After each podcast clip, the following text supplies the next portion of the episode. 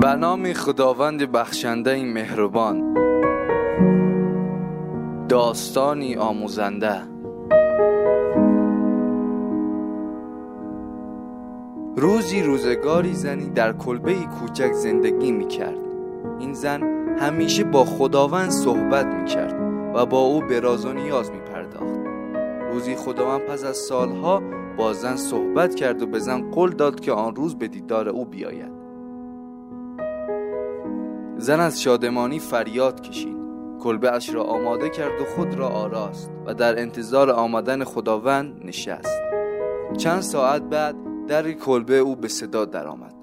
زن با شادمانی به استقبال رفت. اما به جز گدا کسی آنجا نبود. زن نگاهی غضب به مرد گدا انداخت و با عصبانیت در را به روی او بست. دوباره به خانه رفت و دوباره به انتظار نشست. ساعتی بعد باز هم کسی به دیدار زن آمد. زن با امیدواری بیشتری در را باز کرد. اما این بار هم فقط پسر بچه ای پشت در بود. پسرک لباس کهنه ای به تن داشت.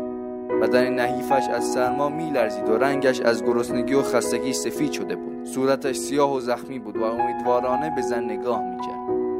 زن با دیدن او بیشتر از پیش عصبانی شد و در را محکم به چارچوبش کوبید و دوباره منتظر خداوند شد. خورشید غروب کرده بود که بار دیگر در خانه زن به صدا درآمد. زن پیش رفت و در را باز کرد. پیرزنی خمیده که به کمک تکه چوبی روی پاهایش ایستاده بود پشت در بود. پاهای پیرزن تحمل نگه داشتن بدن نحیفش را نداشت و دستانش از پیری به لرزش درآمده بود. زن که از این همه انتظار خسته شده بود این بار نیز در را به روی پیرزن بست. شب زن دوباره با خداوند صحبت کرد و از او گلایه کرد که چرا به وعدش عمل نکرده است. آنگاه خداوند پاسخ گفت من سه بار به در خانه تو آمدم اما تو مرا به خانه راه ندادی.